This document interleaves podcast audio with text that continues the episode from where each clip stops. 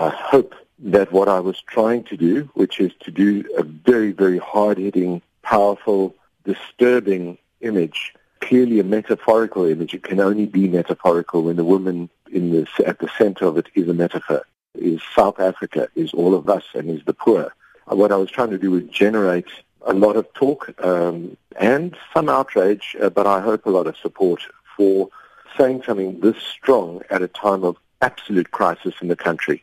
I think Jacob Zuma deserves to have the toughest things said about him that we can say, the toughest images about him that we can draw.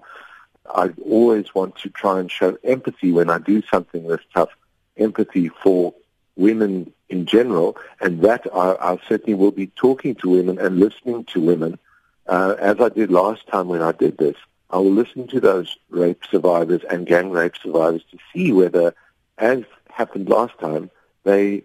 were shocked by the image, but they also felt then that there was validity in what I was trying to say, and there was that double level that they responded on. Firstly, about the politics and saying, well, you know, there is validity in the metaphor, but also, I hope again, they'll say that even though it's disturbing, that was their experience in a country where there is terrible violence and rape against women.